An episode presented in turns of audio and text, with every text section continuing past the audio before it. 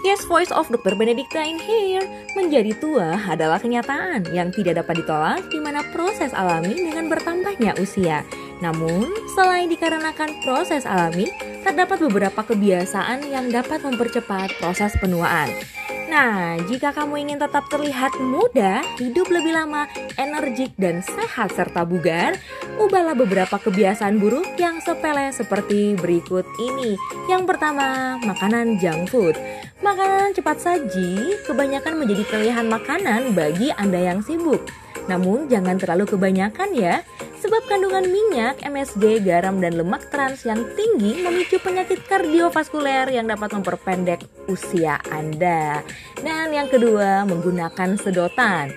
Meski menggunakan sedotan tidak merusak lipstick, minum dengan sedotan akan membuat mulut pengernyit. Jika terjadi terus-menerus akan menciptakan garis-garis halus di sekitar bibir dan membuat wajah terlihat lebih tua. Dan yang ketiga adalah merokok. Merokok hanya membawa dampak buruk bagi perokok aktif maupun pasif. Racun pada rokok yang dibakar dapat menimbulkan asap. Jika terisap dan terpapar kulit akan memicu munculnya tanda penuaan bahkan penyakit paru-paru.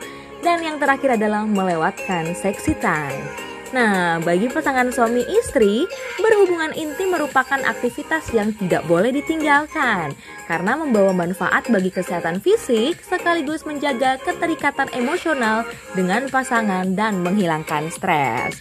Itulah beberapa kebiasaan sepele yang sering tidak disadari dan dapat mempercepat penuaan dini.